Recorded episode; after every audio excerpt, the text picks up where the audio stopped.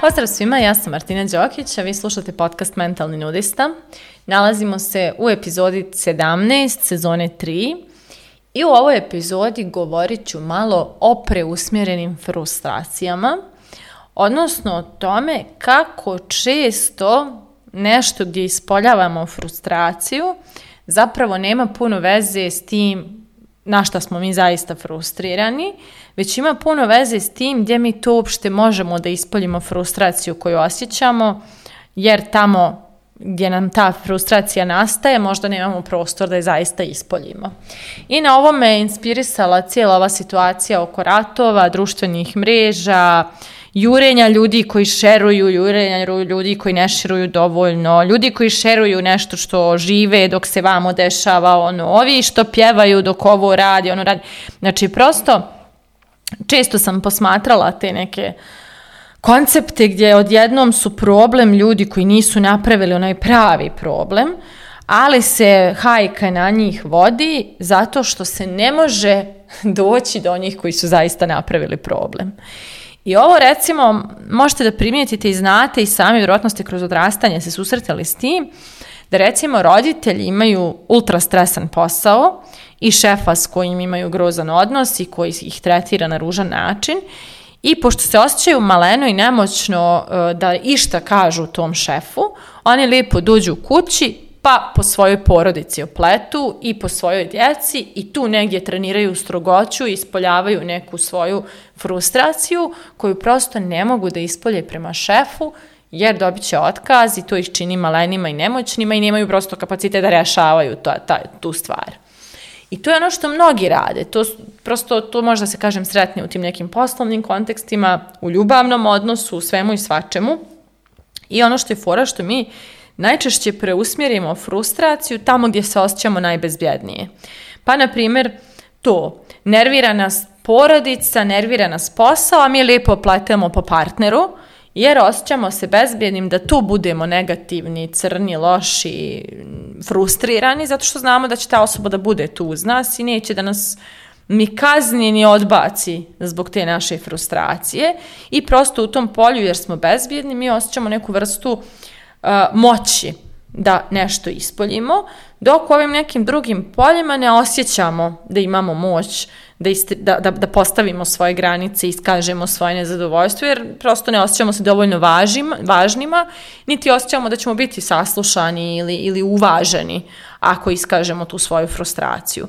I evo to isto se sada dešava po mrežama. Uh, i to jest ne sada, to se dešava konstantno, kad god je neka frka u svijetu od korone preko ratova i svega, uvijek se pojavi grupica ljudi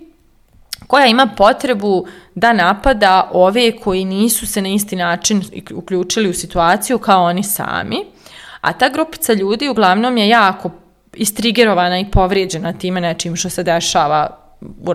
ratu ili, ili čemu god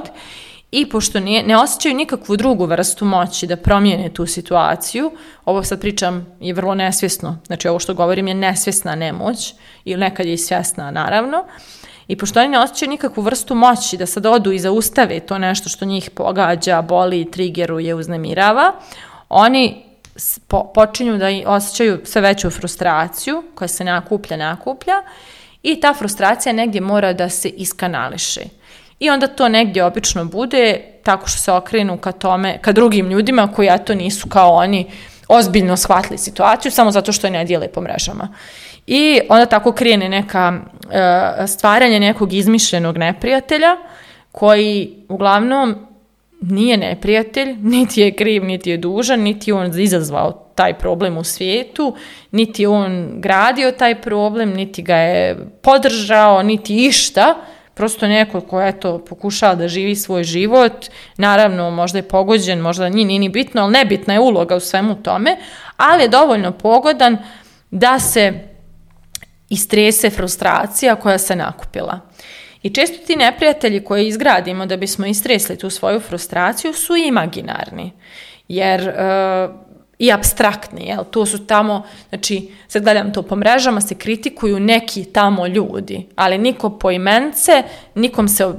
lično niko nije obratio, nego sve to tako nešto ovi i oni, ali je cijela poenta nekome neophodno da istrese svoju frustraciju i pokušava da nađe teren gdje se osjeća dovoljno moćno da tu svoju frustraciju tu ispolji. Zato što ono gdje ta frustracija nastaje, tu osjećaju nemoć i tu nema prostora da se ta frustracija izrazi. Isto recimo,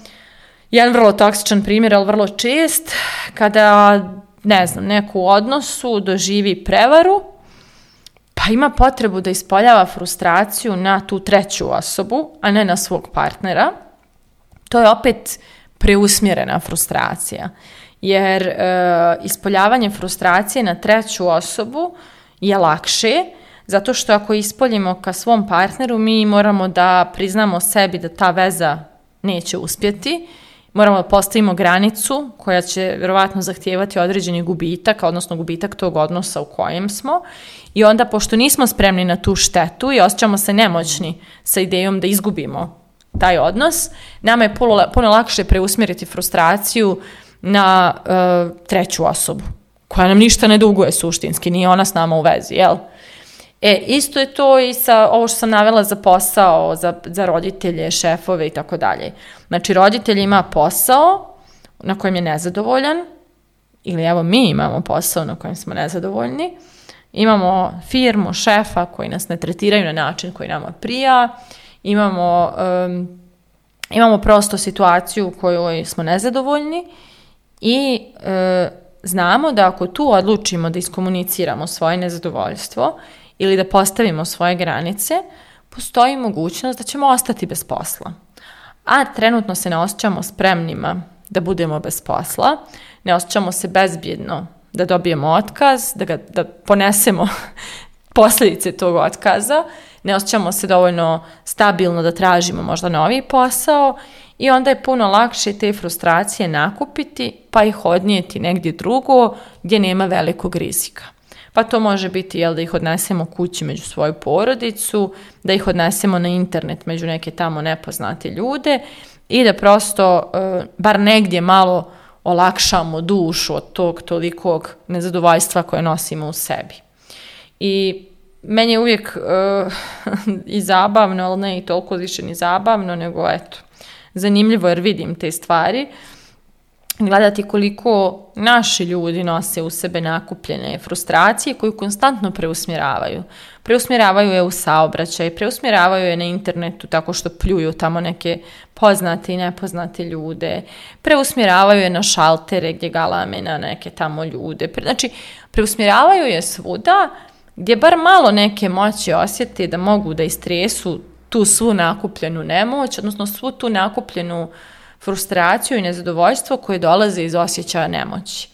I sama potreba generalno da kanališemo frustraciju uglavnom priča o tome koliko nismo se pobrinuli za svoje granice i koliko, nismo, koliko ne vjerujemo u svoje kapacitete. Znači koliko smo mi ti koji uh, uh, u suštini ne mislimo da možemo da promijenimo išta u tim poljima koje, koje nam izazivaju nezadovoljstvo, nego smo tako jadni mali i tome prepušteni, ali ajde bar možemo vamo da se stresemo na nekog desetog. I ja sam imala jedan primjer, jako loš primjer preusmjerene frustracije, koji mi je prilično, i dan danas se na neki način kajem, ali ono, opraštam ja to sebi, samo bude mi krivo puno puta i dosta je označilo neke stvari, a to je ja sam prosto sa mamom imala odnos kakav sam imala, ona je mene puno povređivala kroz moje odrastanje, a s druge strane moja mama je sa bratom imala dosta drugačiji odnos, jer se on rodio u ratu i bio je teško bolestan kao beba i ona se baš mnogo borila za njegov opstanak i, i, i ono, da ga spasi i uspjela je, hvala Bogu. To je naravno nju dosta oštetilo, i zato sam ja posle jel, nosila posljedice tih njenih oštećenja, ali ona je s njim nekako zadržala neku veću prisnost i prosto bio joj je krhki, pa ga je više čuvala i u tom nekom emotivnom smislu. I pošto sam ja imala jako puno nakupljene frustracije kada je ona u pitanju i to kako ona mene tretirala, a osjećala sam nemoć da išta uradim u tom odnosu, onda sam ja tu svoju frustraciju preusmjeravala na brata. I onda sam ja uvijek, kada sam ja puno povrijeđena od strane mame, gledala kako mogu njega malo više da povrijedim, da i on bude nesrećan koliko sam ja nesrećna, odnosno da i ja negdje istresem to svoje e, e, nakupljeno nezadovoljstvo koje me toliko tištilo, a nisam mogla da ga, da ga razriješim tamo gdje nastaje. I onda sam ja tako svog brata često kinjila, svašta ružno mu govorila, kažnjavala ga na neke razne načine, često za neke stvari za koje nije bio ni malo kriv, ali prosto to je bio moj način da tu svoju frustraciju negdje ispoljim. Uh, posle sećam se kada sam s 25 godina psa ovaj, uzela,